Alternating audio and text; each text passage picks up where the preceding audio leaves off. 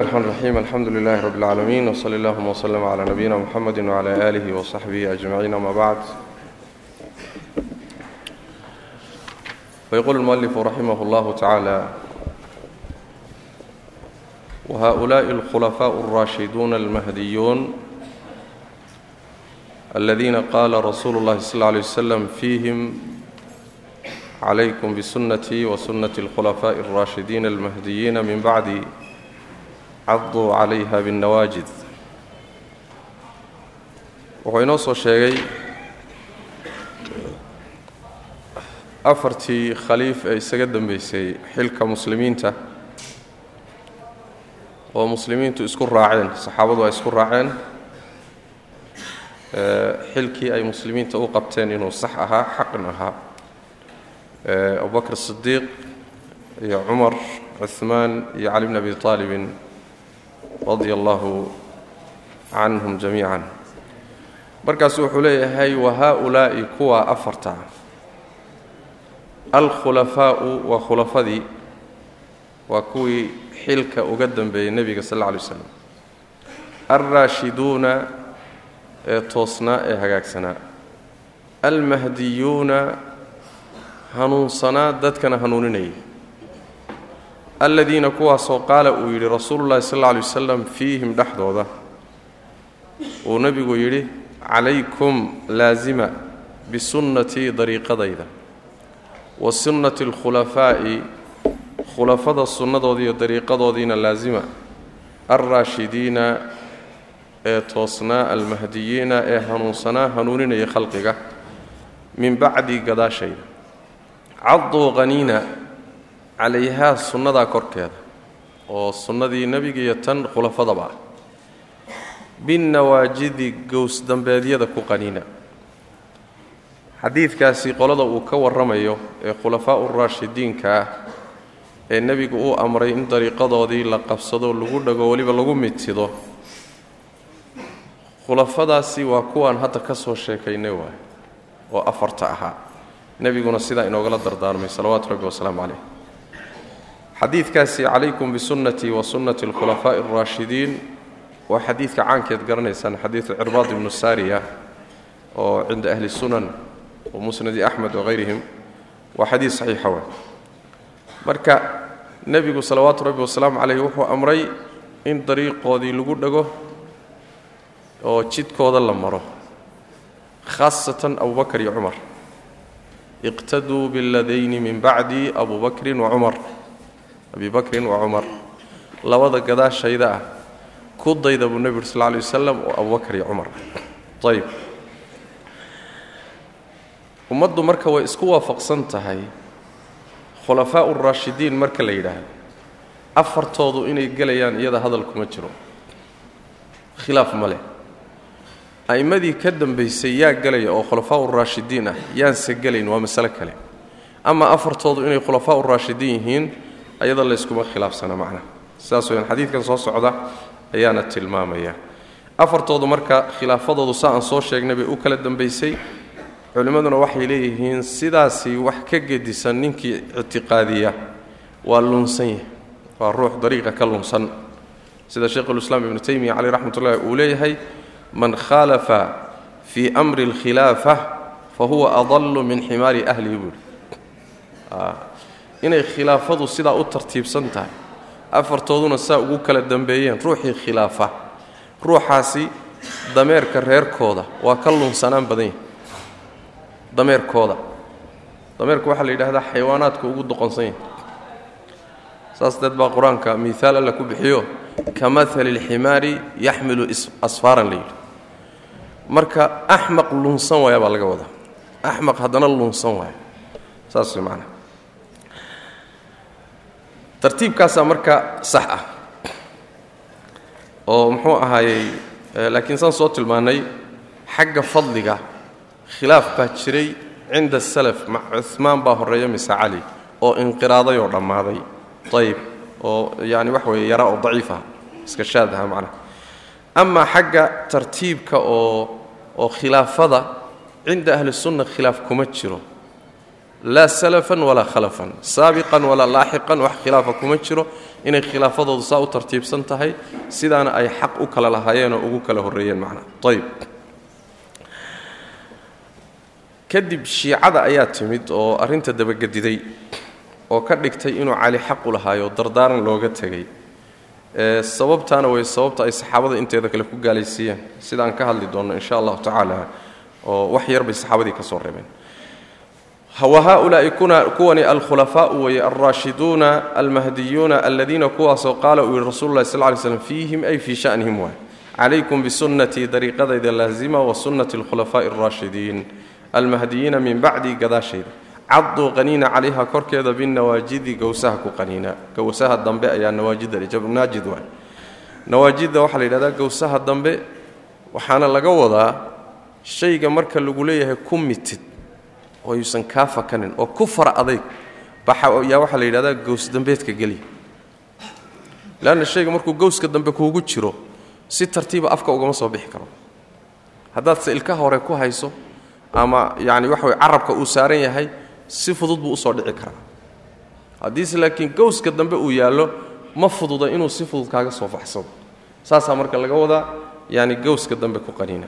Ayb wa qaala wuxuu yidhi nebigu sal lla lay waslam alkhilaafatu khaliifnimada iyo madaxnimada iyo xilka muslimiinta qabashadiisu min bacdi gadaashayda khaliifnimadu alaaثuuna sanatan waa soddon sano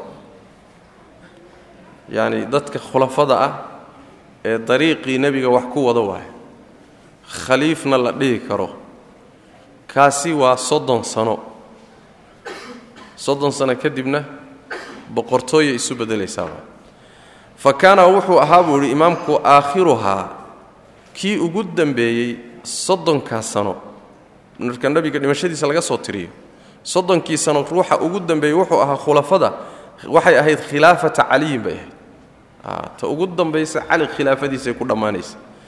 Ayb xadiidkaasi alkhilaafatu min bacdi alaaثuuna sana waa xadiid saxiixa wa waxaa soo saaray axmed fi lmusnad abu dawuud fi sunan tirmidi fi sunan kadalika ibn abi caasim fii sunanihi wuxuu jeer wuxuu ku keenay isagana kitaabkiisu ku keenay. Waana xadiid saxiixa weeye sanadkiisu waa xasan turuqna waa leeyahay. Kitaabkiisa asunna wuu ku keenay. Min xadiidi safiinata abi cabdiraxmaan mowla rasuli lah sl waslam ayaa laga warinaya. Rasuulku wuxu uhi sl lay waslam alkhilaafatu alaaثuuna sana uma yakunu bacda dalika milkan. Soddon sano way khilaafadu oo calaa minhaaji nubuwa waay. Yacni khilaafada oo jidkii nebiga ku socota oo ummadda sidii nebigu u maamuli jiraya dariiqiisii ku maamulaysa waa soddon sano oo iga dambaysa buu nebig sl lay slam soddonkaas markay dhammaadaanna boqortooyay noqon buu nebigu sal lay waslam milkii bay isu beddelaysaa. Ayb markaasaa wuxuu dhihi jiray safiina fakhud sanatayni abu bakrin wa cashran cumar wa natay cashrata cuhmaan wa sittan caliy raximahum allahu tacaala soddonkii baa la doonaya in la tiriyo marka xaggee ku egya wuxuu dhihi jiray marka safiina waxaad qaadataa buu dhihi jiray laba sano oo abubakar ah toban sanoo cumara ku darso labiyo toban sano oo cumaana ku dar meeqa afar iyo labaatan lix sanoo caliya ku dar soddonkii saas ku egi saasuu dhihi jiray. Marka alkhulafaa alraashiduun oo calaa minhaaji nubuwa ku socda bacda rasuuli illaah afartaas waay. Muddada nebigu uu sheegayna afartaasay ku ekaatay. Saas way macana marka soddonkaas markii la xaqiijiyo masalada si dhab ah taariikhahoodii iyo wakhtigay qabteen iyo wakhtigii ay la dilay ama ay dhinteen iyo la xaqiijiyo waxaa soo raacaysa xasan ibnu caliyin oo lix bilood hayay. Yaa ku soo biiraysa oo waxay noqonaysaa bimacnaa maalan abubakr sidiiq wuxuu hayay laba sano iyo saddex bilood. Saddex bilood baa dheer. Cumar wuxuu hayay toban sano iyo lix bilood iyo saddex beri miya cumaan wuxuu hayay labiyo toban sano oo dhiman labiyo toban beri. Cali wuxuu hayay afar sano iyo lix bilood. Afar sano iyo barh buu hayay. Kulli marka laysku dardaro waxaa soo baxaysa soddon sano oo dhiman lix bilood. Saas way macana labaatan iyo sagaal sano iyo lix bilood baa soo baxaysa.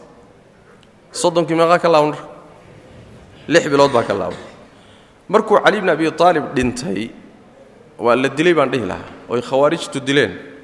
Waxaa lala beeco lala galay oo xilka loo dhiibtay wiilkiisii xasan ibni caliyin radi allahu tacala canhu ardaa xasan ibni caliy marka xilka wuxuu qabtay yani waxa weeyaan xilligaasuu qabtay. Lix bilood markuu hayay waa kii heshiiska la galay oo mucaawiya bnu abi aalib iyo isagu ay heshiiska galeen oo dhiigga muslimiinta in la badbaadiyo wuu tanaasulay arrintii wuxuu uga tanaasulay mucaawiya uga tanaasulay lix bilood oo uu xasan hayay marka lagu daro sidaasaa soddonkii sano ku dhammaystiran yahay sidaas daraaddeed baa saxiixa in lagu daro xasan ibni cali bni abi aalib khulafaa uraashidiin buu ku jiraa xadiiska marka la fiiriyo.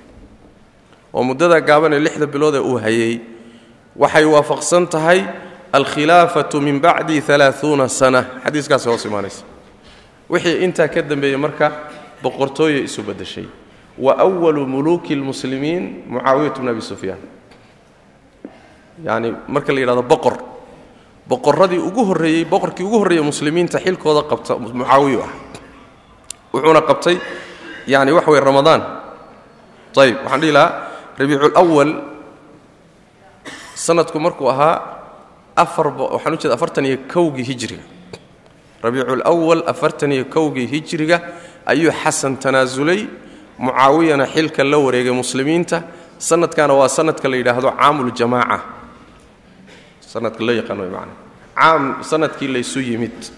Wadda nebigaa ka sii warramay sal lay waslam markuu lahaa ina bni hada sayid wiilkaygani waa sayid ilaahayna wuxuu ku kulmin doonaa laba kooxood oo muslimiinta ah oo dhib iyo dagaal dhex yaal ayuu ilaahay ku heshiisiin doonaa.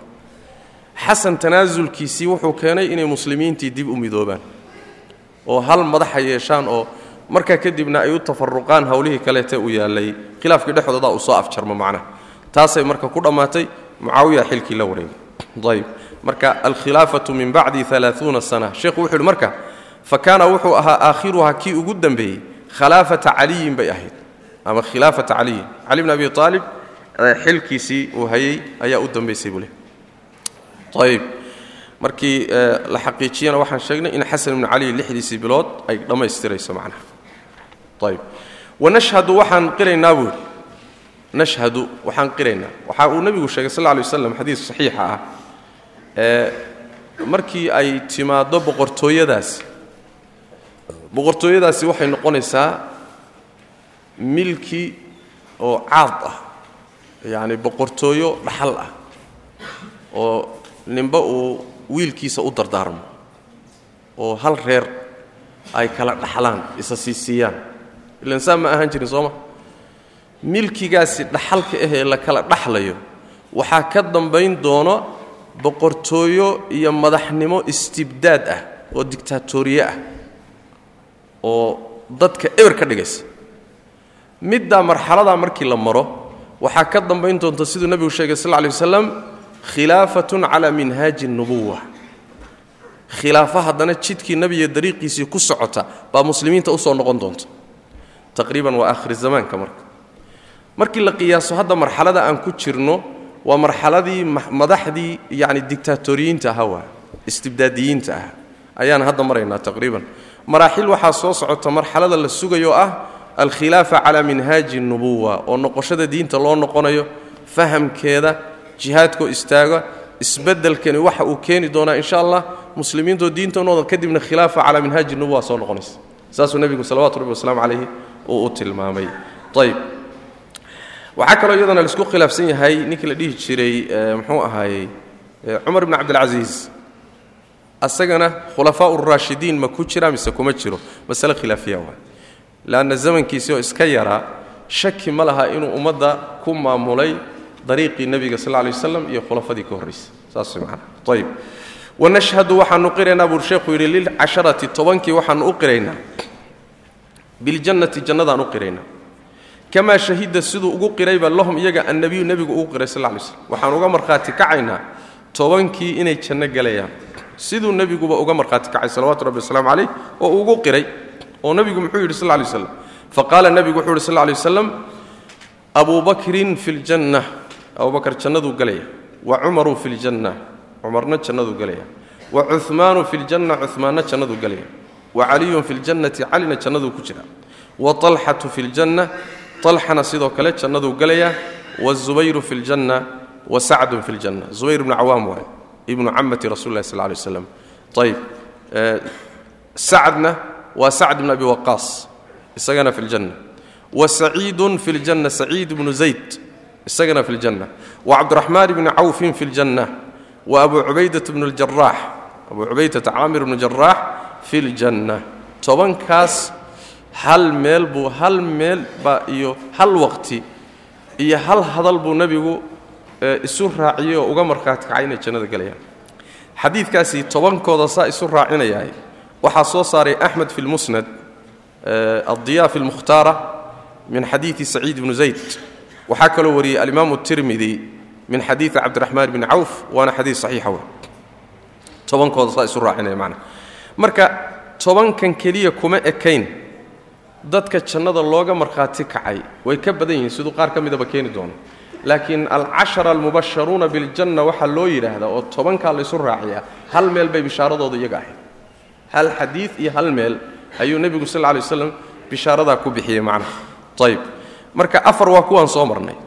Afar waa khulafaa uraashidiin waa abubakar iyo cumar iyo cumaan iyo iyo cali intooda kale talxata bnu cubaydillaah sideeddii ugu soo horraysay islaamnimadu ka mid ah oo wuxuu ka mid yahay asaabiquuna alawaluun raggii ugu horreeyey soo islaamay buu ku jiraa. Waxaana la dilay maalintii jamal. Dagaalkii jamal ee saxaabada dhex maray ayaa lagu dilay markii taariikhdu ahayd soddon iyo lixdii hijriga. Ayib da'diisuna wuxuu ahaa lixdan iyo afar jir buu yaa lagu dilay radia allahu tacala canhu wa ardaa ninka labaad waa zubayr ibnu cawaam oo nabiga eeddadii baa dhashay isagana waxaa lagu dilay isagoo dagaalkii jamal ka noqday oo intuu la qumanaan waayo wixii marka horeba heshiis bay u tageen. Wuu iska laabtay marka. Sida xadiiskuu sheegayo cali bni abi aalib bay kulmeen. Cali baa marka wuxuu ku yidhi zubayrow ma xusuusan tahay buu idhi inuu nebigu inoo sheegay. Inaad ila dagaalami doonto adoo iga gardaran. Haa buu yidhi. Zubayr markii arrintii la xusuusiyeyba meeshii buu ka laabtay dagaalkiina waa ka baxay hawshiina waa ka baxay waa iska noqday marka.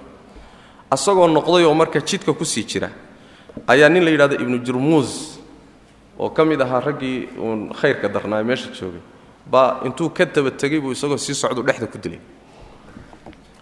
Nebiguna sal lla lay xadiid buu wuxuu ku yidhi ninka dila zubayr naar ha loogu bishaareeya buu nebigu sal lla lay saas way macana marka zubayr isagana saasaa lagu dilay isla sanadkaas soddon iyo lixdii ayaa la dilay dagaalkii jamal isagoo ka laabtay waqcadii jamal. Wuxuuna da'diisu ahayd yani lixdan iyo toddoba jir baa lagu dilay.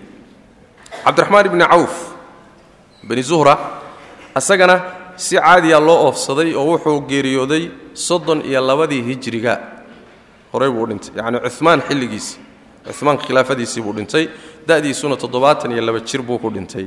Wuxuuna ku aasan yahay baqiic yani qubuuraha muslimiinta madiina ayuu cabdiraxmaan ku aasan yahay macnaha. Ayib ninka afraadii waa sacd ibn abi waqaas. Sacd ibn abi waqaas sacd ibnu malik ibn abi waqaas isagana min zuhra wey waxaa la yidhaahdaa waa awalu man ramaa bisahmin fii sabiili lah baa la yidhahda saabiqiintii buu ku jira yacni hub ilaahay dartii loo tuuro. Ninkii ugu horreeya tuuray baa lagu sheegaa macnaha. Ayib wuxuu ku geeriyooday si caadiya ugu geeriyooday qasri uu ku lahaa meesha la caqiiq oo magaalada madiina u jira ilaa cashrata amyaal baqiic buuna ku aasan yahay wuxuuna dhintay sanadku markuu ahaa konton iyo shantii hijriga da'diisuna siddeetan iyo laba inuu gaadhay baa lagu sheegaa. Ninka shanaadi waa saciid ibnu zayd ibnu camr ibnu nufayl alcadawi. Raggii ugu horreeya soo islaamay buu ku jira. Isaguna isagana caqiiq baa lagu oofsaday madiinuuna ku aasan yahay konton iyo kowgii buu dhintay hijriga da'diisuna toddobaatan iyo dhowr sanuu gaadhay. Ninka lixaadii waa abu cubayda caamir ibnu jaraax caamir ibnu jaraax isagana raggii ugu horreeyey islaamka saabiqiin alawaluun buu ku jiraa. Isaga urdun buu ku dhintay. Urdun buu ku dhintay waxaana dilay daacuunkii la magacbaxay daacuunu cumwaas oo xilligii cumar bn khaaab sannadkii siddeed iyo tobnaad ee hijriga aan umalayn inuu ahaa. Ha sannadkii siddeed tobnaad ee hijriga ayaa waxaa dhacay daacuun baa shaam ka dhacay. Dacuunkaasi marka wuxuu laayey tobannaan kun oo saxaabo ah buu dilay iyo taabiciin isku jira raggii uu dilay marka waxaa ka mid ahaa abu cubayda camr bnu jaraax baa ka mid ahaa ninkaasaa ku jiray macna. Da'diisu ilaa konton iyo siddeed jir meelahaasuu gaadhay bay yidhahdaan tobankaasi marka almubasharuuna biljanna waa lixdan hadda aan sheegnay iyo afartii khulafada ahaa. Tobankaasaa laysku yidhaahdaa almubasharuuna biljanna. Alcashara almubasharuuna biljanna. Marka maadaama nebiguba uu janno u sheegay annagana waa u qiraynaa inay jannada gelayaan maxaa keena inaan qirno? Lianna nebigaa qiray. Annagana nebigaan raacaynaa salawaatu rabbi wasalaamu calayh. Ayib wa kullu man cid kastana waa u qiraynaa wa kullu man cid kastana waan u qiraynaa oo shahida uu qiray lahu isagu lahu isaga annabiyu nebigu uu qiray sal lay waslam wa kullu man cid kasta oo shahida uu u markhaati kacay ama uu u qiray lahu isaga annabiyu nebigu sal lay slam biljannati janno uuga markhaati kacay. Oo uu u qiray shahidnaa waa u qiraynaa waanu uga markhaati kacaynaa lahu isaga bihaa biljannati jannadii baan annaguna u qiraynaa uga markhaati kacaynaa ka qowlihi sida odhaahdiisa oo kale nebigu yuhi sal lay waslam alxasanu waalxusayn xasan iyo xusayn sayidaa shabaabi ahli ljanna ahlu jannaha dhallinyaradooda labadoodii sayid waay. Dhallinyarada jannada ayay sayidye u yihiin madaxdoodii waay.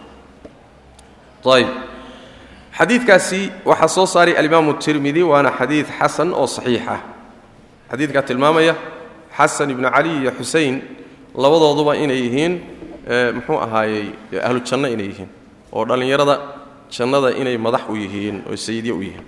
Xadiikaasi waa xadiis sugan.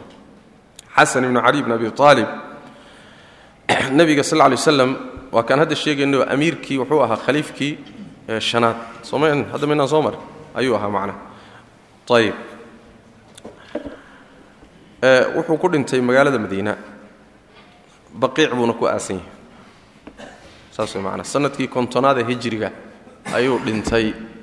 Nebigaana salawaatu rabbi wasalaamu calayh aad u ammaanay.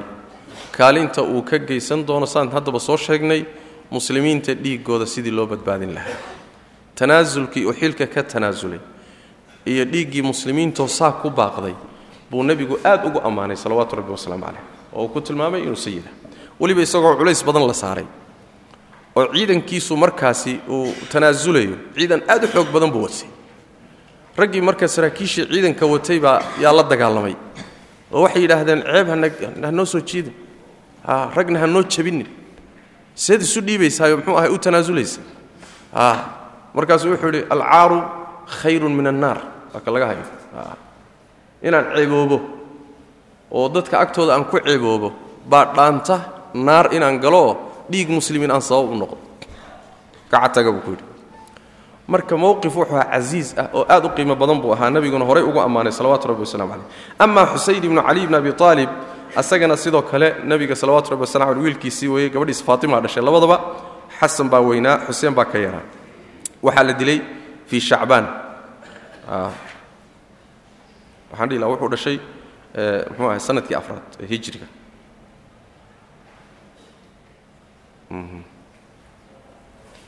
laba sano isku xigta dhashay xuseenna wuxuu dhashay xasan wuxuu dhashay sannadkii saddexaad. Xuseenna wuxuu dhashay sannadkii afraad. Saas isugu xigeen. Waxaa lagu dilay xusayn ibnu caliyin radia allahu tacala canhu wa ardaah. Karbalaa lagu dilay. Muxuu ahaaye muxaram tobankeedii sanadku markuu ahaa lixdan iyo kowgii hijriga. Karbala meeshan hadda ciraaq ka tirsan. Oo ay shiicadu weynayso oo caabudaan meeshaasaa lagu dilay radia allahu tacala canhu ardaa oo waxaa dilay muxuu ahaayey nimankii reer bani umay umaye ka socday ee meesha u matelaya nimankaasaa dilay oo markaa dagaal kala dhexeeyey labadaa nin marka waxa weeyaan nebigu sal lla lay wuxuu u sheegay inay ahlu ka mid yihiin. Annagana waa u qiraynaa inay ahlu yihiin. Wa qowlihii odhaahdiisaa ka mida nebigu sal lay slam dadkii jannada uu qiray buu sheegaya. Ka qowlihii odhaahdiisaoo kale nebigu yidhi alxasanu waalxusaynu sayidaa shabaabi ahli ljanna wa qowlihi wa ka qowlihi iyo odhaahdiisaoo kale nebigu yidhi lihaabit ibni qaysin uu ku yidhi innahu isagu min ahli ljannati ahlu jannuhu ka mid yihi haabit ibnu qays ibnu shammaas waa nin saxaabiyo qiimo badan buu ahaa. Ansaariyo khasraji ah. Waxaa la dhihi jiray khadiibu lansaar waana ninkii nebigu u dhihi jiray u jawaab xataa marmarka qaarkood. Markii qola hadal badan oo war badan ay nebiga u yimaadaan oo nin aftahan oo u jawaabo loo baahdo waa loo yeedhi jiray haabit baa loo jira u baa la dhihi jiray nin marka hadalka heli og buu ahaan jiray. Marka yacni wax weeyaan wuxuu ahaa qisadiisuna waxay ku timid. Markay soo degta aayadda ah yaa ayuha aladiina aamanuu laa tarfacuu aswaatakum fowqa sawti الnabiy wlaa tajharuu lahu bilqowli kajahri bacdikum libacdin an taxbata acmaalukum waantum laa tashcuruun. Nabiga markaad ag joogtaan hadalka kor ha u qaadina. Yaa las yidhi sida idinku markaad wada hadalaysaan oo kale hadalkaad kor u qaadaan oo kaleeto. Nabiga ha ula dhaqmina. Hadalka hoosu dhigta markaad nabiga la hadlaysaan sal lay slm oo haddaad sidaa yeeshaan ood hadalka taagtaagtaan nabiga agtiisa camalkiinnaa hoobanayoo baaba ayaa la yidhi. Haabit markii aayaddu soo degtay intuu gurigiisa isku xidhay buu wuxuu yidhi waan halaagsamay ahlu baanan ahay. Meeshaa aan ku xidhnahayna inuu nebigu iga fura mooyaane kama kama baxayo buuhi maxaa yeelay buuhi waxaan ahaa buu yidhi ninka ugu hadal taagtaagan baan ahaa buu yidhi saxaabada marka nebiga lala joogo sal lay slam aayaddan marka dadka ay ka hadashay an taxbata acmaalukum waaba aniga buu yidhi nin kaleba maaha meeshii baa nebiga loo soo sheegay rasuul ilaahi oo ninkii haabit ahaa halkaasuu ku xidhan yahay dhibkaasaana haysta. Markaasuu nebigu wuxuu yidhi sal lay wasalam ma ahee gaadhsiiya ahlu janno wey ahlu naar ma ahe saasay marka shahaadadiisu ku timid inahu min ahli اljanna saasuu nebigu ku yidhi salawatu rabbi waslamu caleyh marka wuxuu ka mid yahay dadka iyagoo nool uu nebigu jannada u qiray salawaatu rabbi waslamu caleyh uga markhaati kacay ayuu ka mid yahay. Ayb maalintii yamaama ayaa la dilay isagoo shahiid ah. Sanadkii ko iyo tobankii hijriga aakhirkeedii. Yani macrakatulyamaama soo ma garanaysaan? Oo macrakadii lala galay ree bani xaniifa murtadiintii diinta ka noqday ee abubakar ciidankii uu diray rag aad u fara badan oo saxaabadii ka mida bal quraa'u saxaaba ka mida ile reen bani xaniifa niman geelley ah oo dagaalyahamiin ah oo reebaadiye ah oo balaaya ka dhacday bay ahayd qabaaisha carab ugu dagaalyahansan bay ahayd markii abubakar intuu ciidan u diray lala dagaalamay rag aad u fara badan bay eber ka dhigeen. Ayagana dee sutidaa loogu istaagay. Meel baa lagaga soo hadhay wax la soo qabtiyo wax lalaayaa laga dhigay iyo wax islaamka dib loogu soo celiyo dagaalkaa yamaamu marka lagu dilay ninka la yidhaahdo haabit ibnu qaysin radia allahu tacaala canhu oo meeshaasu macnaha ku tegay oo ku dhintay. Raggii meeshaa lagu dilay buu ka mid ah. Walaa najsimu ma goynayna bu sheekhun marka. Marka saxaabo fara badan buu nabigu u jasmiyey sal lay slam intaa keliya maaha intaa keliya maaha rag kaloo fara badan buu jannada u sheegay. Oo waxaa ka mid a maalan yani nebiga sal lay slam xaasaskiisa. Soo ma? Xaasaskiisaa ka mid a. Waxaa ka mid a gabadhiisii faatima binti rasuuli sal lay waslam waa ka mid waxaa ka mid a cukaashata bnu muxsin soo ma? Xadiiskii muxuu ahaay toddobaatankii kun ee jannada gelaya bilaa xisaab walaa ciqaab. Waa kii dhihi jiray rasuulka ilaahay ou ilaahay ii baryay inuu iga mid dhigo ee uu nebigu dhihi jiray anta minhum. Soo ma? Marka ninkaasaa ka mid a cukaashaa ka mid a camaar ibnu yaasir baa ka mid a bilaal ibnu rabax baa ka mid a oo nebigu sal lay waslam uu yidhi jannada dhexdeeda waa yaan kabahaaga shanqadhooda ka maqlay maxaad samaysaa? Xadiiskeeda soo garanaysaan bilaal baa ka mid a waxaa ka mid a jacfar ibnu abi aalib baa ka mid a oo isagoo laba janaax leh laba garbab ama laba garab leh jannada dhexdeeda duulahay. Iyo qayrkoodba saxaabo fara badan baa marka acyaantooda iyo ashkhaastooda uu nebigu janno u sheegay inay gelayaan salawatu rabbi waslamu caleyh kuwaa jannada loo sheegay o dhan kulligood sidaa nabigu ugu sheegay baan u rumaynayna. Uguna qiraynaa inay ahlu janno yihiin. Saas man wixii soo hadhay soo maa walaa najzimu ma goynayna buuhi liaxadin ruux oo min ahli lqiblati qiblada dadkeeda ka mid a bijannatin janno u goyn mayno walaa naarin naarna u goyn mayno ilaa man ruux mooyaane jazama uu gooyo lahu isaga alrasuulu rasuulku uu gooye mooye salawaatu rabbi wasalaamu caleyh ayb laakina laakinnaa narjuu waxaasaan u rajaynaynaa lilmuxsini ruuxa wanaagga sameeyey. Waxaan u rajaynaynaa alxusna waa janno iyo wanaag baan u rajaynaynaa wanakhaafu waannu baqaynaa cala almusii'i midka xumaanta sameeyena waa u baqaynaa.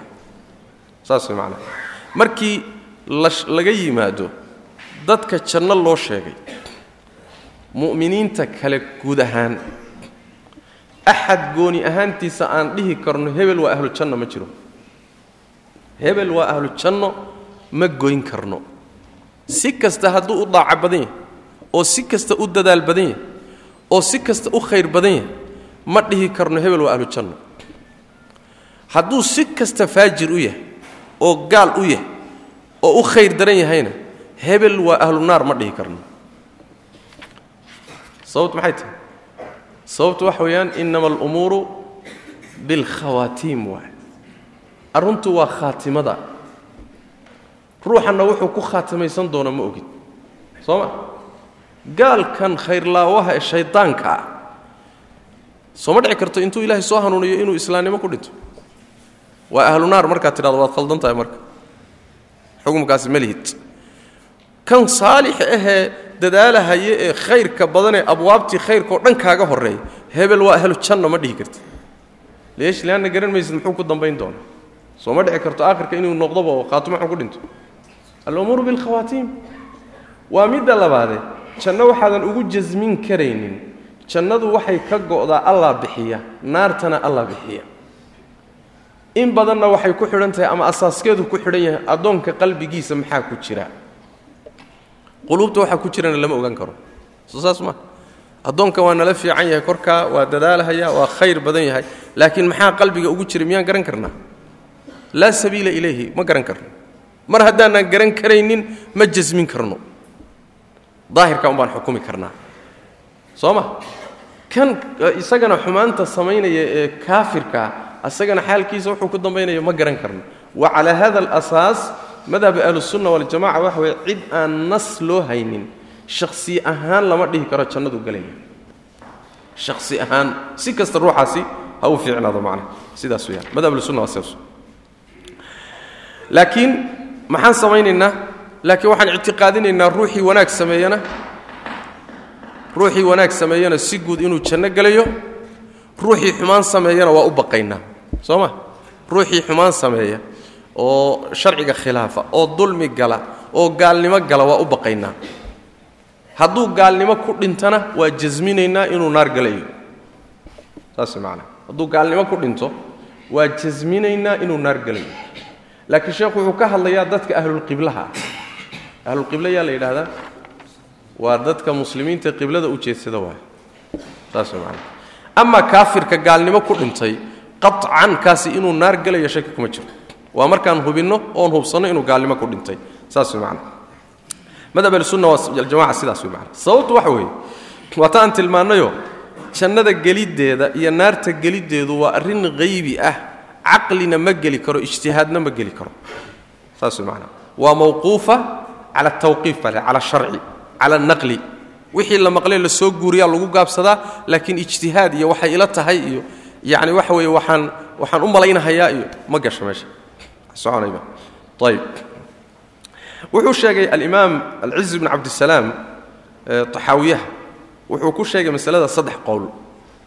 Qowl wuxuu leeyahay ambiyada mooye cid kaloo janno looga markhaati kici karo ma jiro. Sidaasuu ka soo guurinayaa moxamed ibnu xanafiya iyo awsaaci qowl kale wuxuu leeyahay ma ahee mu'min kasta oo nas uu ku yimid ayaan janno uga markhaati kacaynaa.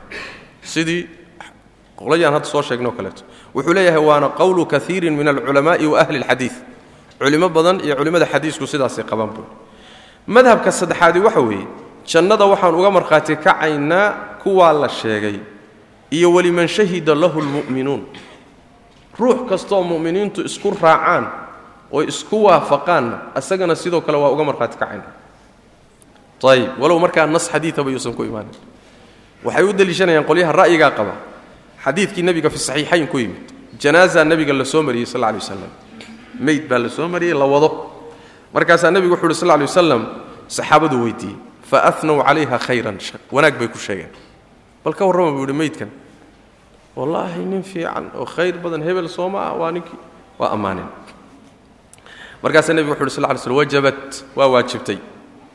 Haddana mid kalea la soo mariyey. Bal ka warrama buu uhi tanna faanow calayha sharan xumaan bay ku sheegeen. Ma fiicnaan jirin bay dheen ruux fiican maahayn intaannu ka garanayno markaasaa nebigu wuxu uhi sal ly slm wajabat. Tanna waa waajibta markaasaa na waxay yidhahdeen rasuulka ilaahayow maa wajabat? Wajabad unbaa tihi labadii goore maxaa waajibay baa layidhi markaasaa nebigu wuxu uhi sal lay waslam haada anaytum calayhi khayran fawajabat lahu اljanna wahada anaytum calayhi sharan fawajabat lahu اnnaar midkan khayr baad ku ammaanteen janna u waajibtay kanna shar baad ku ammaanteen naar baa u waajibtay antum shuhadaau ullahi fi lardi bu nabr sal lay slm markhaatiyadii ilaahayee dhulka joogay baa tihiin ciddii aad janno uga markhaati kacdaan waa jannuu geli ciddaad naar uga markhaati kacdaanna naar buu geli markhaatigiinnuu ilaahay qabanayaa waa soo ma marka waxay culimmada qaarkood ka qaateen haddii muslimiintu saalixiintooda iyo dadkooda wanaagsan iyo culimmadooda iyo ahludiinkoodu ilaan caamadu iyagun bay raacsan yihiin ay isku waafaqaan ruuxaasi inuu yahay ruux wanaagsan oo saalix ah. Ruuxa waan jasmin karnaa inuu ahlu janno yahay. Sidaasi ayay bacdu ahlilcilmi ku tageen. Waxaana ka mid ah culimmada sidaas maray shaykhulislaam ibnu taymiya caleyh raxmat ayib iyo hayrihi min almutaqadimiin oo yani waxa weeyaan wuxuu leeyahay ummadda xadiiska hore laga qaadano waxaa gelaya buuhi halkaasi a'immada magacoodu iyo wanaaggoodu iyo ammaantoodu ummadda dhexeeda ay ku faaftay. Wax haba yaraatee wax ka sheegayna uusan jirin. Dhammaan la wada taabacsan yahay la qirsan yahay wanaaggooda. A'imadaasaa gelaya buu leeyahy dhinac marka laga fiiriyo ijmaaca ummaddu waa daliil. Soo ma? Ijmaaca waxay isku raacaan. Ilaahay shay khaldan kuma kulmiyo. Soo maynaa soo mara sidaas daraaddeed cidday ummadu ku ijmaacdo salaaxiisa iyo khayrkiisa iyo iimaankiisa min hadihi alxaydiya ummaddu ma gafi karto.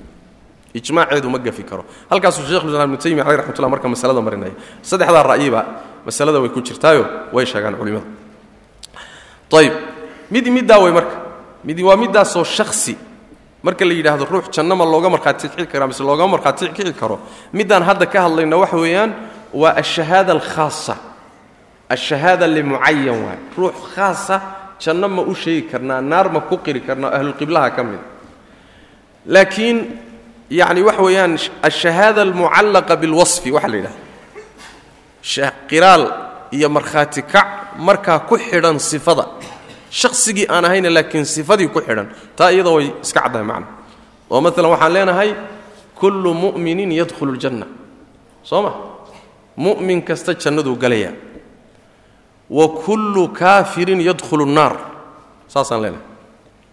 Marka waxaan leenahay man facala kada wa kada jannaduu galaya sidaa iyo sidaa ruuxii sameeye jannaduu galaya ruuxii sidaa iyo sidaa sameeye naartuu galaya ruuxii khamrada caba naartuu galaya ruuxii zinaysta naartuu galaya soo ma? Ruuxii salaada ilaaliya jannaduu galaya sifaadka marka waa lagu goyn karaayo waad jasmin kartaa wixii nas loo hayo oo nasku yidhahdo sifadaasi dadkeedu jannaday gelayaan. Waan dhahaynaa annagana sifadaasi dadkeedu jannaday gelayaan. Marka farqi baa udhaxeeya inaad sifada wax ku xidho iyo inaad shakhsiga ka hadlayso.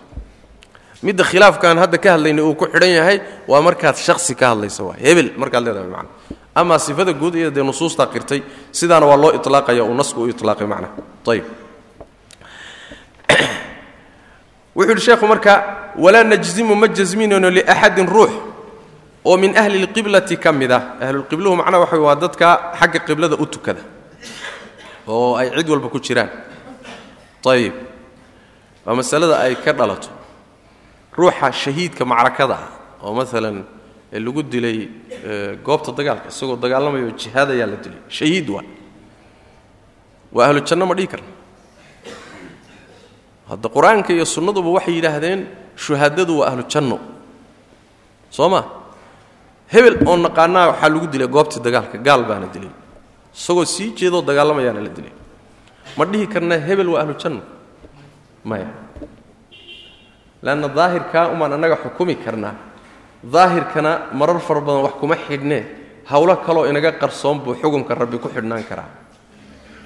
Soo garan maysaan ninkii saxaabadu dagaalkii intay la yaabeen la cajabeen ay yidhaahdeen wallaahi wixii abaalgudaha maanta hebel unbaaba qaatayba dagaalka iyo helyeynimada iyo geesinimada iyo dhiiranaanta iyo yacni wacdaradu muujiyey iyo oo maanta hebel baaba wixii wada qaatay oo nebigu yuri sal alay waslam maya jan naartaan ku arkay ninkaad ka hadlaysaan naartuba ku jiraaba soo ma saas waa meesha waxaa taalla ina allaha la yu'ayidu hada addiina biاlrajuli اlfaajir wa biman laa khalaaqa lahu waay. Marmar ilaahay diintiisa wuxuu u adeejinayaa oo uu ku xoojinayaa ruux faajir oo ahlu naar ah aakharana aan waxba ku lahayn. Alla adeegsanaya. Soo ma? Markaasuu dhiiggiisa iyo qalinkiisa iyo kelimadiisa iyo buu diinta wax badan u qabanaya. Asaguna waa ahlu naar. Adiga marka daahirka umbaad xukumi kartaa. Laakiin ma dhihi karaysid wuu shahiiday waa ahlu janno. Bal waxaa laga doodsan yahay hebel waa shahiid ma la dhihi karaa baabun hal yuqaalu fulaanun shahiid? Imaam albukhaari saxiixiisa ama la dhihi karaa hebel waa shahiid mise lama dhihi karo? Waa baabka baabka ka hadlaynay waa. Masale bacdu ahlilcilmina ay leeyihiin. War daahirka shahaadadan annagu xukumayna waxa waaye. Ruuxani dagaal gaaluu ku dhintay intaasna waa u qiri karnaa shahiidna daahirka waa xukumi karnaa. Qaarna waxay leeyihiin war xukumka waxaa ka laasimaya in janno loo qiree shahiid hebel weeye ha masalo macnaha wax way iska cadwa ayib oo muran ku jiro culimada dhexdooda muran ku jira halkaasay marka salku haysaa. Walaa najzimu liaxadin min ahli اlqiblati bijannatin walaa naarin u qiri mayno ilaa man jazama ruuxuu gooyey mooyaane lahu isaga alrasuulu rasuulku u gooyey mooye salawaatu rabbi wasalaamu calayh ayib laakinaa narjuu waxaase rajaynaynaa. Khayr baan u rajaynaynaa way lilmuxsini ruuxii wanaagga sameeya. Oo ruuxa dadaalhayo khayrka samaynaya wanakhaafu waanu baqaynaayo cadaab iyo cadho allaan uga baqaynaa cala almusii'i ruuxa xumaanta sameeyana. Si guud ruuxa xumaanta samaynayana waa u baqaynaa. Oo dhiigga daadinahayo wax kharibahayo wax fasaadinahayo macaasida ku dhex jira waa u baqaynaa. Waxaan uga baqaynaa inuu naar galo. Laakiin ma jasmin karno. Soo ilahay inuu cafiye ma suuroobi karto. Ilahay inuu iskaba cafiyaa suuroobi karaysa. Oo naxariistiisa waasica ku cafi. Waxaa kaloo dhici karaysa ruuxaas aad u dayrinayso ama u dardaarwelinayso waxaa dhici karaysa inuu xasanaad kale leeyaho ilahay xasanaadkaaba muxuu ahay. Waxaa kaloo dhici karaysa in masaa'ibi ku timaado ilahay masaa'ibtaa kaga gooyo.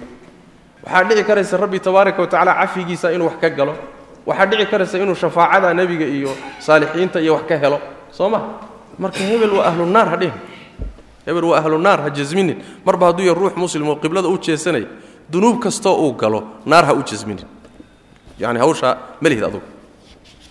Soo xadiiskii garanaysaan wallaahi laa yakfir illaahu lifulaan laba ninoo yani walaalo aha ama muxuu ahay saaxiibbo ah ayaa mid ka mid ah wuxuu ahaa ninna nin saalixoo wanaagsan buu ahaa dadaala ninna wuxuu ahaa nin uun dembiyada iska qasta oo aan waxba u abayeen kan baa marka waaniya wuxuu ku yidhahdaa warniyo gaabso warniyo soo reebo warniyo sida isu dhaan maalin buu marka isagoo qasanahayo wixii ku dhex jiro u yimi markaasuu wuxuu ku yidhi warni waxaa kugu dhacay war waxan iska daa war ilaahay ka yar. Markaasuu wuxuu ku yidhi waryaah aniga horta yaa iisoo kaa diray buuhi aniga ilaahay dhexdannada yaa ku geliyey buuhi adiga. Ka bax buuhi yaa iisoo kaa diray waxayga iiddaa hawshayda faraha kala bax. Ma shaqo kale aad weyday buu ku yidhi. Shaqo kale radso markaasuu intuu xanaaqay buu ku yidhi wallaah ilaahay baan ku dhaartay alla inuusan kuu dambi dhaafayn hawl uusan lahayn buu galay soo maaragt hawshaa muusan lahayn. Markaasaa rabbi tabaaraka wa tacaala wuxuu yidhi waa midka waa kumarka ku dhaaranaya inaanan hebel u dembi dhaafaynin. Kiina waa u dembi dhaafay. Asagana naar baan u waajibay buu alla yidhi tabaaraka wa tacaala. A leesh hebel naartuu geli ilaahay u dembi dhaafi maayo. Muxuu ahaay hawshaadii ma aha hawluusa alla leeyahay oo khaas leeyahay. Baad faraha la gashay soo ma? Oo yaa ka weyn wey dembiga ka weyn kee waay marka. Kii uu calcalanayana waa la cafiyey isagiina naarta loo kaxeeyey. Marka ha isku gelin baddaa iyadaa bad sahlan ma aha meel khatar ah. Wuxuu yidhi marka walaa nukafiru ma gaalaysiinayno walaa nukafiru cid kastoo la hubo inuu gaalnimo ku dhintayna isagana waa loo qirayaa. Biacyaanihim baa loogu qirayaa inay ahlu naar yihiin yani waxa weye sidaa ragga qur'aanka ku arooray oo kaleeto oo maalan muxuu ahaay ninkii la dhihi jiray abulahab oo kale iyo tabbat yadaa abi lahabin soo ma? Abulahab iyo nebiga adeerkii iyo xaaskiisii umu jamiil. Sayaslaa naaran daata lahabin wamra'atuhu xamaalata alxatab isagiiyo naagtiisiiba naartay gelayaan waa caddahay taas soo ma? Wakadalika muxuu ahaayey qur'aanku siduu tilmaamay abu aalib abu aalib nebiga adeerkii sooma isagana? Isagana naartu gelaya waa kaa soo marnay. Nebigu inuu u shafeecayo oo naarta salkeeda intuu ku arko u shafeeco. Naarta salkeeda in laga soo saarayo oo meel naarta naarta fiiddeeda oo xeeb ahaan ah oo uu lugaha naarta kula jiro ayaa la keenaya. Isagana waxa way axaadiistaa ku timid buhari muslim. Waxaa ka mid a maalan ninkii la dhihi jiray camr ibnu caamir ibnu luxayin alkhusaaci ninkii ugu horreeyey ee jasiiratulcarab soo geliya sanamyada soo geliya.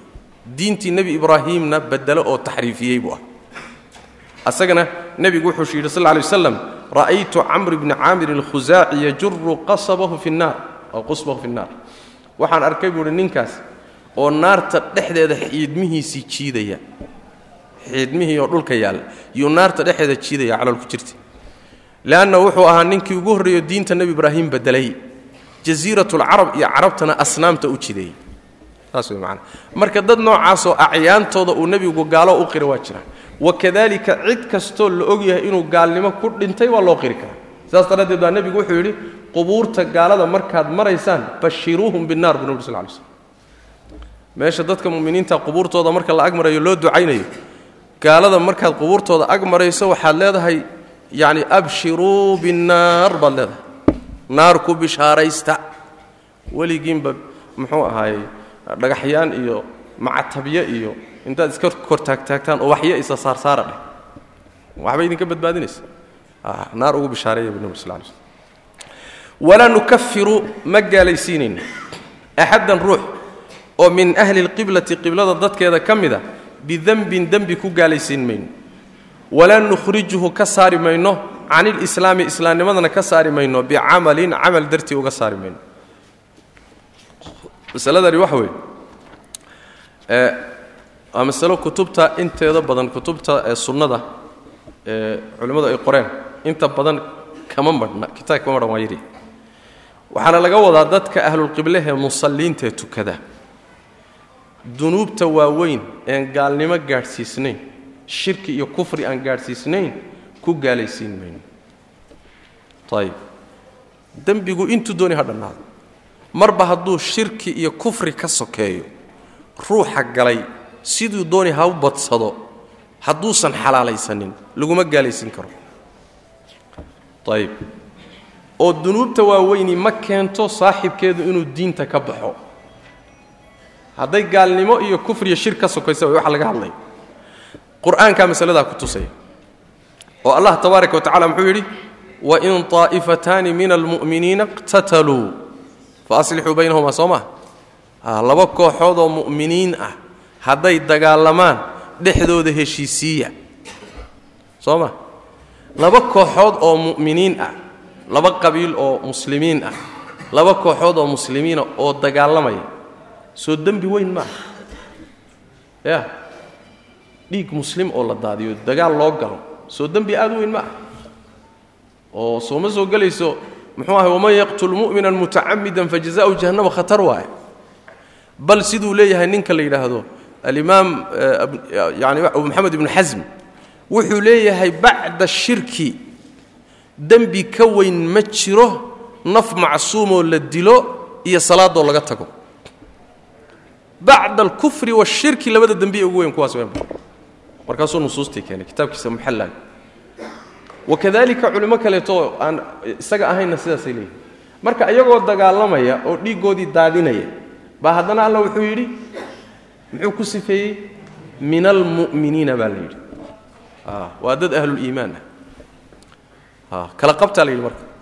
Ilaa markii dambe la yidhi inama almu'minuuna ikhwatun faaslixuu bayna akhawaykum. Kuwan dagaalamayaay waa walaale eh. Walaalihiin heshiisiiya waa laba walaaloo isku qalloocday. Saas way macana marka qur'aanku wuxuu tilmaamayaa iyagoo dembi waaweyn ku jira haddana inay mu'miniin yihiin. Ayb wakadalika muxuu ahaaye faman cufiya lahu min akhiihi shayun faاtibaacu bilmacruufi wa adaaun ilayhi biixsaan soo ma? Kii uu dilay kii uu dilay iyo kii dilay ayaa waxaa la leeyahay waa walaalo. Waa laba isdilay ogow haddana waxaa la leeyahay waa walaalo. Walaalnimadaas maxay tilmaamaysaa? Yani weli waa dad muslimiina waay. Soo ma? Waa dad muslimiina. Waa dad weli iimaankii aan ka bixin waay macnaha. Sidaas weyaan sidaas daraaddeed baa inay muslimiin waxaad ku garanaysaa ruuxu markuu zinaysto asaga oo muslim ah maxaa lagu samaynaa? Ama waa la jeedli? Ama dhagax baa lagu dili soo maa ayib markaa kadib maxaa lagu samaynaa soo lagu tukan maayo oo qubuurta muslimiinta la gelin maayo oo si caadiya loo dhaxli maayo soo muslim maa a hadda zinuu galay. Wakadalika kii wax qadfay wakadalika kii khamrada cabbay waa muslimiin waa mu'miniin. Axkaamtii muslimiinta la siin aakhariya adduunba taasay leeyihiin marka lama gaalaysiinayo dembi weyn muslimiinta diinta loogama saari karo sidaas weeyaan walaa nukhrijuhu can alislaami bicamal. Camalkaa wuxuu ka wadaa waa acmaasha aan gaadhsiisnayn. Dembigana wuxuu ka wadaa dembiga aan gaalnimada gaadhsiisnayn. Qaydkaasi waa laga marmaan axaadiista kutusaysa waxaa ka mid ah nebigu wuxu uhi sal ly waslam rabbi wuxuu maalinta qiyaamada dhahaya akhrijuu man kana fii qalbihi midqaalu xabatin min khardalin min iimaan. Yacni min annaar xadidka buhari muslim soo saare. Wax yar oo xabatu khardal ah oo iimaan ah ruuxa qalbigiisa ay ku jirto naarta ka soo saara la dhihi doona Ah, yani naarta maxaa loo geliyey? Soo dembi uu galay mahayn dembi weyn baa loo naaray. Laakiin ma ku waari doonaa? Maya iimaankiisii yaraa ee qalbigiisa ku jiray baa ilahay kaga soo saari doona marka mu'min buu ahaa. Hadduusan mu'min ahayn naarta lagama saareen jannana lama geeya qacan marka sidaas wey marka iطlaaqa isaga ah ee dhahaya laa nukafiru axada min ahli اlqiblati bidambin bidanbin taasi mafhuumka laga fahmayoo dembi noocu dooni ha noqdo ilaan cumuum bay faa'idayn soo maa khaasatan waxa wey waxa la yidhahda waa nakiratun fii siyaaqi annafyi waay marka cumuum bay faa'idaysaa waxaa laga fahmi karaa marka dembi gaalnimo keeni kara maba jiraba. Sidaasina lagama wado. Laba qaydba way u baahan tahay. Waa midda koobaada in la yidhahdo horta dembiga laga hadlayo waa dembiga oo duuna alkufri washirki dunuubta kale waaweyn baa laga hadlayaa. Amaa kufri iyo shirki markay gaadho dembiga uu addoonku galay taa iyadii gaalnimo way keeni. Soo ma? Gaalnimo way keeni. Gaalna waa lagu itlaaqi. Shakhsiyaddiisa marka la xukumayana yacni dawaabiddeedii iyo waxaa la marayaa shuruudii iyo mawaanicdii iyo waa tilmaami doonnaa laakiin dembiga laga hadlayo waa dembiga gaalnimada iyo shirkiga ka sokeeya. Taas in lagu baraarugo laga maarmaan. Ayib midda labaadi waxa weeye ruuxa haddaan nidhaahno dembi weyn buu galo gaalnimo aan gaadhsiisnayn. Sidaas daraaddeed waa mu'min. Ma mu'min oo iimaankiisu kaamil yahayba ya maya. Maxaan dhahaynaa? Waa mu'minun naaqisu liimaan saas way mu'min iimaankiisu dhiman yahay waa oo iimaan dhammaystiran ma wato. Maxaa iimaankiisa dhimay? Iimaankiisa waxaa dhimay dembiga weyne uu galay. Soo ma? Dilkan uu sameeyey zinadan uu sameeyey khamradan uu cabbay xantan waxaan uu galay. Iimaankiisii way nusqaamiyeen wayna dhimeen laakiin asluliimaan ka saari mayno. Asluliimaan wuu haystaa. Diintii kama bixin xeradii kama bixin. Laakiin waxaan leenahay iimaan kala dhiman oo aan buuxin ayuu meesha la joogaa oo uu haystaa ayib oo ku filan in dhiiggiisa iyo cirdigiisa iyo yani waxa weeye uu ilaaliyo waadiyeeyo waxaa kaloon leenahay addoonka sidaasi ku dhinta dembi weyn hadduu galoo toobad keenoo soo noqdo. Toobad shuruuddeedii leh uu la yimaado. Ilaahay waa u dhaafaya. Soo ma? Hadduu dembigii isagoon ka toobadkeenin ku dhintana waxaan leenahay mucarad lilwaciid wa taxta almashii'aan leenahay ilaahay goodigiisii iyo hanjabaaddiisii khatar buu ugu jiraa. Laakiin ilaahay dooniddiisuu hoos yaallaa. Maxaa laga wadaa? Hadduu doono wuu cafin oo intuu iska saamaxuu jannada iska geyn. Hadduu doonana intuu dembigu galay naarta maryo kaga jaro oo ka gooyo buu jannada ku dambaysay. Laakiin laba gooroba mar hadduusan iimaankiisu saxsan yahay dembigaasi ma keenayo inuu naarta ku waaro laba gooroba jannuu ku dambay ama cadaab ha la sii mariyo ama ha la iska cafiyo. Saas way macnaa asalka iimaankaana keenaya inuusan naarta ku waarin.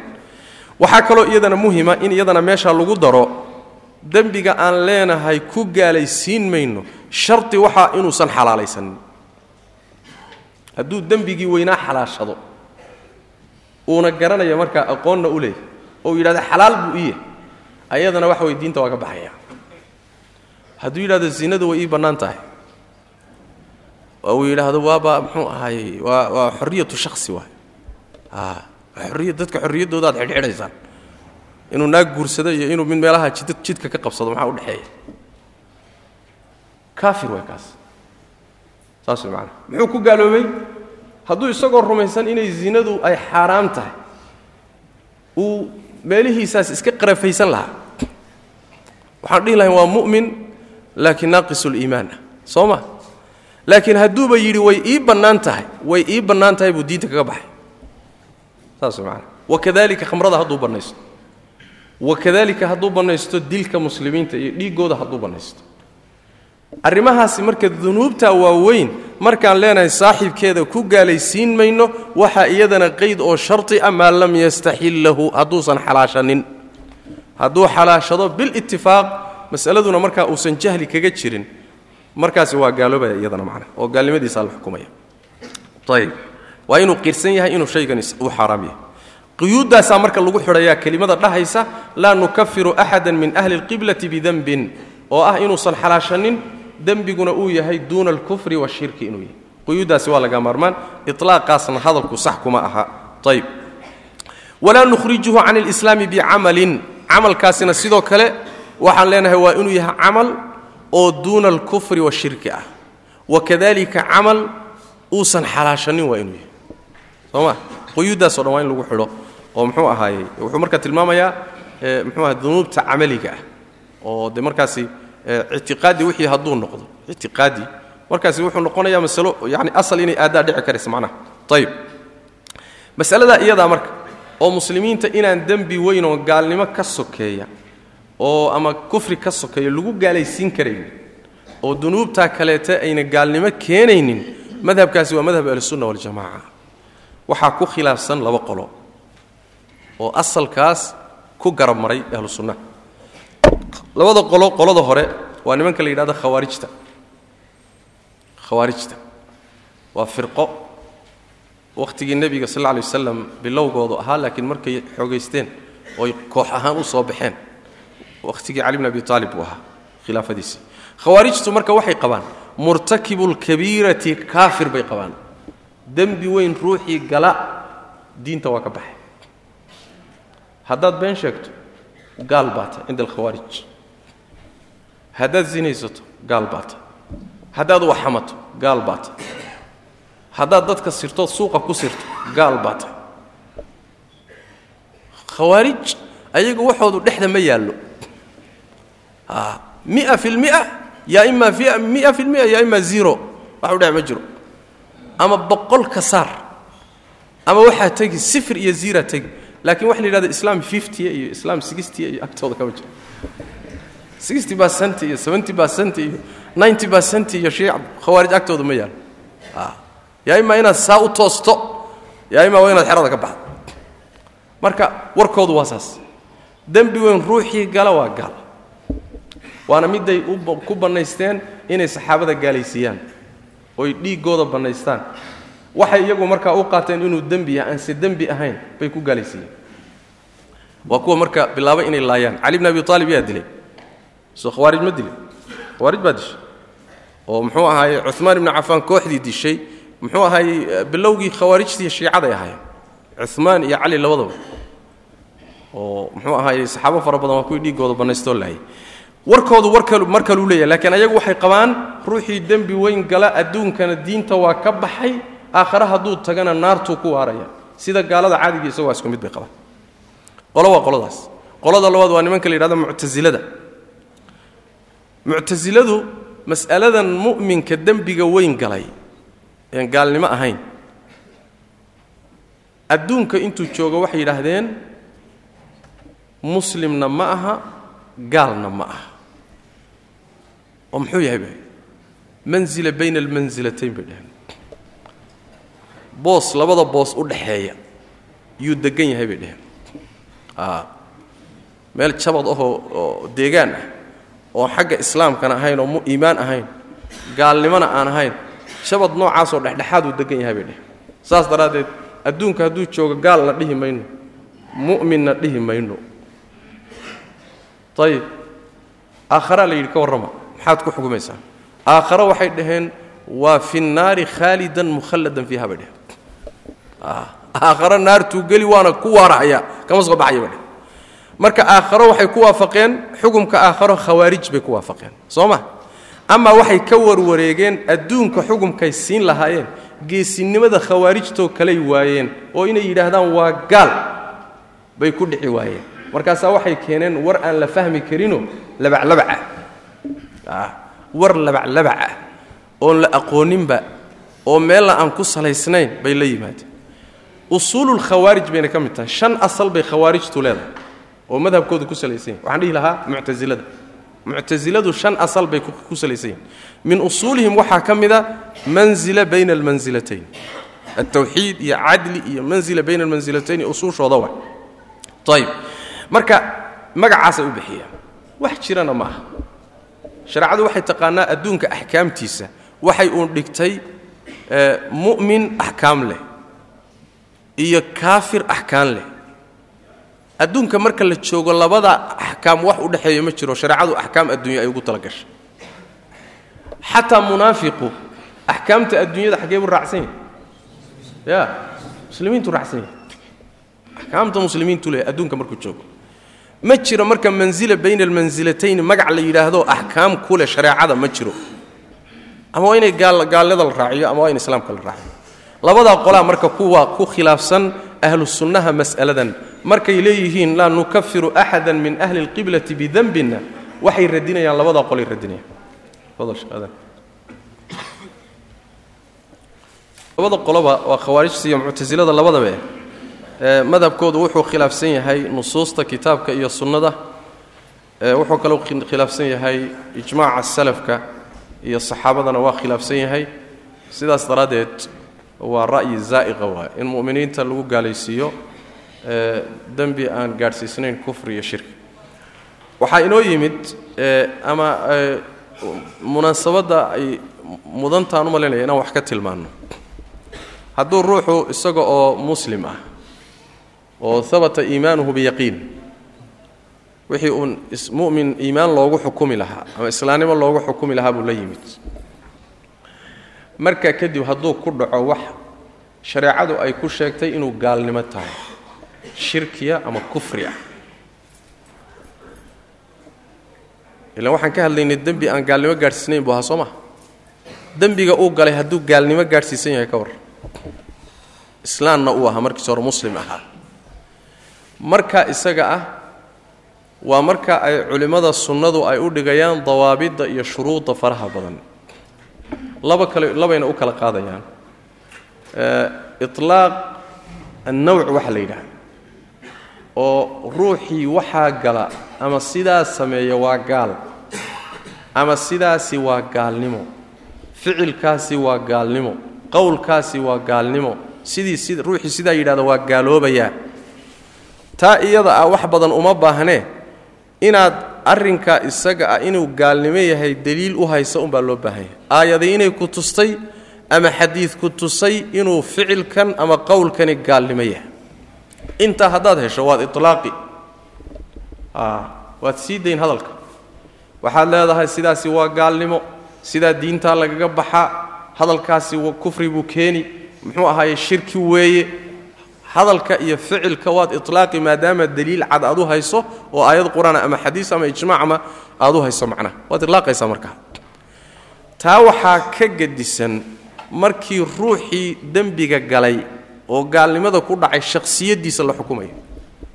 Isaga laftiisa marka la xukumayo way ka duwanta waxaana meesha ku jira laysa kullu man waqaca fi lkufri yakunu kaafiran ruux kastoo gaalnimo ku dhacay isaga laftiisu gaal ma noqdo.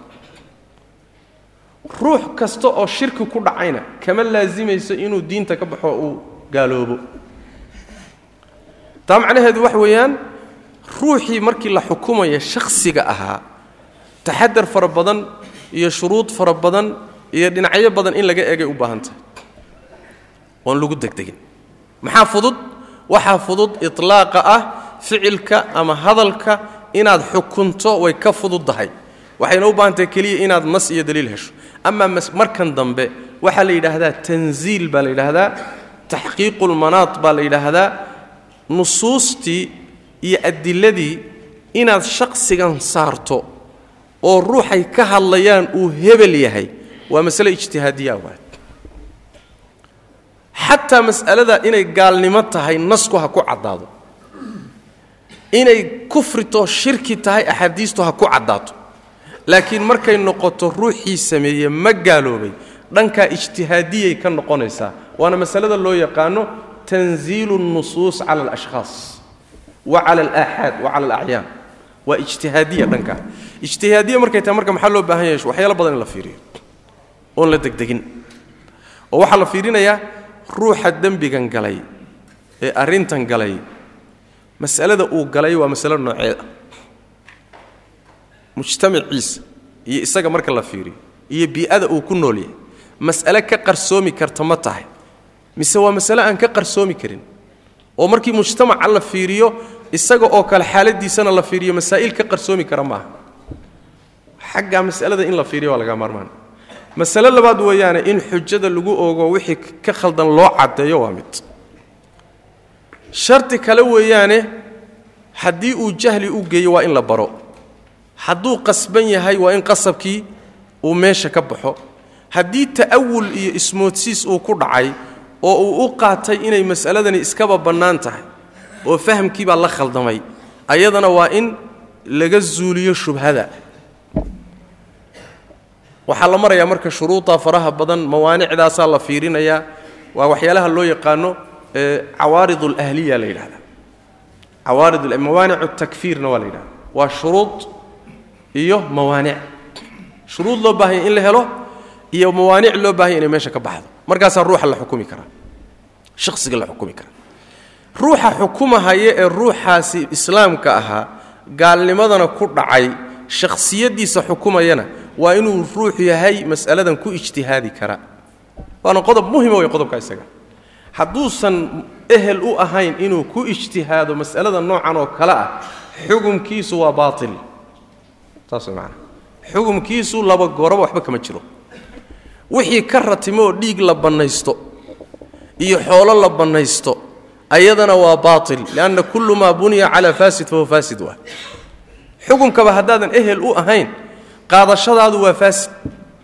Wixii aad ka radfitoo ka dhalatayna waa faasid labadaa mas'alo marka cinda ahlisunna waljamaca waa laba mas'aloo kala baxsan oo la doonayo markii baabkan laga hadlayo in la taqriiriyo. Meeshaydaynay ku faahfaahsantahay laakiin hadda bilmunaasaba unbaan hadda u sheegaynaa oo inay kala adag tahay leanna nebiga salawaatu rabbi wasalaamu calayh. Soo ma dhihin ma lacnadin. Ruuxa khamrada caba soo ma lacnadin. Akar min xadiid buu ku lacnaday ninkii saxaabiga ahaa ee la keenay isagoo khamro cabay oo la jeedlay waa la karbaashay haddana mar dambe isagoo khamriyo cabsan baa la keenay waa la jeedlay haddana mar dambe isagoo khamro cabsan baa la keenay waa la garaacay. In saxaabada ka mid a caayay oo lacnaday. Nebigu wuxuu ku yidhi sal lla slam ha ha lacnadin maxaa yeelay ilaah rasuulkiisuu jecel yahay. Nebiga maxaa ka sugan? Khamri yacabku waa malcuun. Soo ma ninkii khamrada cabbay laftiisii marka la keenayna ee la lacnadayna wuxuu yidhi ha lacnadin. Hadalka nebigu ma iska hor imaanaya? Maya markuu leeyahay khamri yacabku waa malcuun waa ficilka cabbidda waana hadal caam ah waana cidda mudan xukumkaas. Kama laasimayso cid kastoo khamro cabbay inuu malcuun yahay. Soo ma? Leanna waxaa dhici karta inuu jaahil yahay waxaa dhici karta inay shubha ku dhalatay waxaa dhici karaysa in la qasbay waxaa dhici karta inuu halmaan ku cabbay waxaa dhici karaysa muxuu ahaayey intaasoo arrimood baa suuroobi karaysa. Mar hadday suuroobi karayso kama laasimayso ficilka samayntiisa otomatikiyan ama tilqaa'iyan xukun kama laasimayo. Saas way macnaha yani nebigaa kala qaaday salawaatu rabbi wasalam aleh oo saa u kala qaaday. Wakadalika sidaas way axkaamtuna waa saas. Keliya ma aha gaalaysiinta ruux baa bidca ku dhacay maalan bidcu ku dhacay asaga laftiisa mubtadic wey miyaan dhihi karnaa? Maya waxaan dhahaynaa ficilku waa bidco. Asaga markaan xukumayno waxaan leenahay laysa kullu man waqaca fii bidcatin yakunu mubtadican. Shirkigii bay la mid waxaa la mida walaysa kullu man waqaca fi lfisqi yakunu faasiqan. Walaysa kullu man waqaca fi lmacsiyati waqacat almacsiyatu calayhi. Saas way macnaha ruuxii isagoo macsiyo ku dhacay baana macsiyadii raadkeedii iyo dembigeedii fuulaynin liasbaab ama limawaanic ama lishuruud wakadalika sidaas way kufriga fisqiga dulmiga bidcada shakhsiga lagu xukumayo axkaamta acyaantiiyo ashkhaasta la saarayo shuruud adag bay leedahay. Waa in shuruudii la helo mawaanicduna meesha ka baxda amaa ficilka iyo qowlka iyo shayga si ahaantiisa ruuxa aan ahayn isaga xukumidiisu way ka fududahay. Cinda ahlisunna waljamaaca waa markii uu ficilku gaalnimo gaadhsiisan yahay ama dembigu uu shirki gaadhsiisan yahay wax diinta lagaga baxa weeye. Ama hadduusan gaadhsiisan inuu ka sokeeyo ayada sinaba cinda ahlisunna waljamaaca dadka laguma gaalaysiin karayo. Saasaa marka loo kala qaadaya. Labada masale saasay kale yihiin. Hada wabillahi towfiiq wsali allahuma wslm cala nabiyina mxamedi wcala ali w saxbi wslm